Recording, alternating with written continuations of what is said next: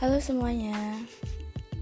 Perkenalkan nama saya Tirza Severina Hermanto Biasa dipanggil Tirza, kelas 11 IPS 3 nomor absen 29 Sekarang saya akan menjelaskan tentang mengapa musik barat yang berkembang di suatu negara tidak akan sama dengan negara lainnya. Nah, setiap negara tentu memiliki budaya yang berbeda-beda sehingga jika ada budaya lain yang masuk di suatu negara tersebut, tentu harus disaring terlebih dahulu supaya budaya asli yang ada di negara tersebut tidak hilang. Nah, tidak semua budaya asing bisa masuk dengan mudah. Negara akan melakukan seleksi demi kenyamanan dan keamanan masyarakat di negara tersebut.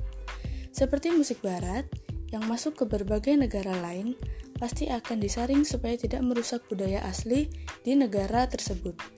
Nah, selera di setiap negara juga akan berbeda-beda dan tentunya mengikuti budaya asli yang ada di negara tersebut. Sekian dari saya, terima kasih.